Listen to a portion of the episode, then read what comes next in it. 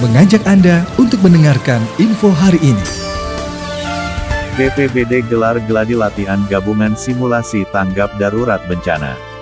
Cikarang Pusat, Badan Penanggulangan Bencana Daerah BPBD Kabupaten Bekasi menggelar geladi latihan gabungan simulasi tanggap darurat bencana alam, yang berlangsung di depan kantor PDAM Tirta Bagasasi, Jalan Kalimalang, Tegal Danas, Kecamatan Cikarang Pusat pada Selasa tanggal 8 Maret tahun 2022.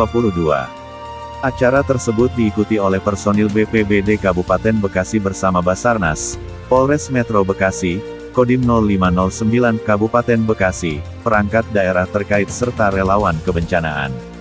Gladi latihan gabungan simulasi dirangkaikan dengan acara sosialisasi dan simulasi evakuasi korban banjir, ujar Kepala Bidang Pencegahan dan Kesiapsiagaan BPBD Kabupaten Bekasi Muhammad Said. Said mengatakan, dalam simulasi tersebut, setiap peserta diberikan pemahaman terkait tanggap darurat bencana. Terutama pada saat terjadi bencana banjir yang dinilai menjadi permasalahan yang selalu terulang di setiap tahunnya.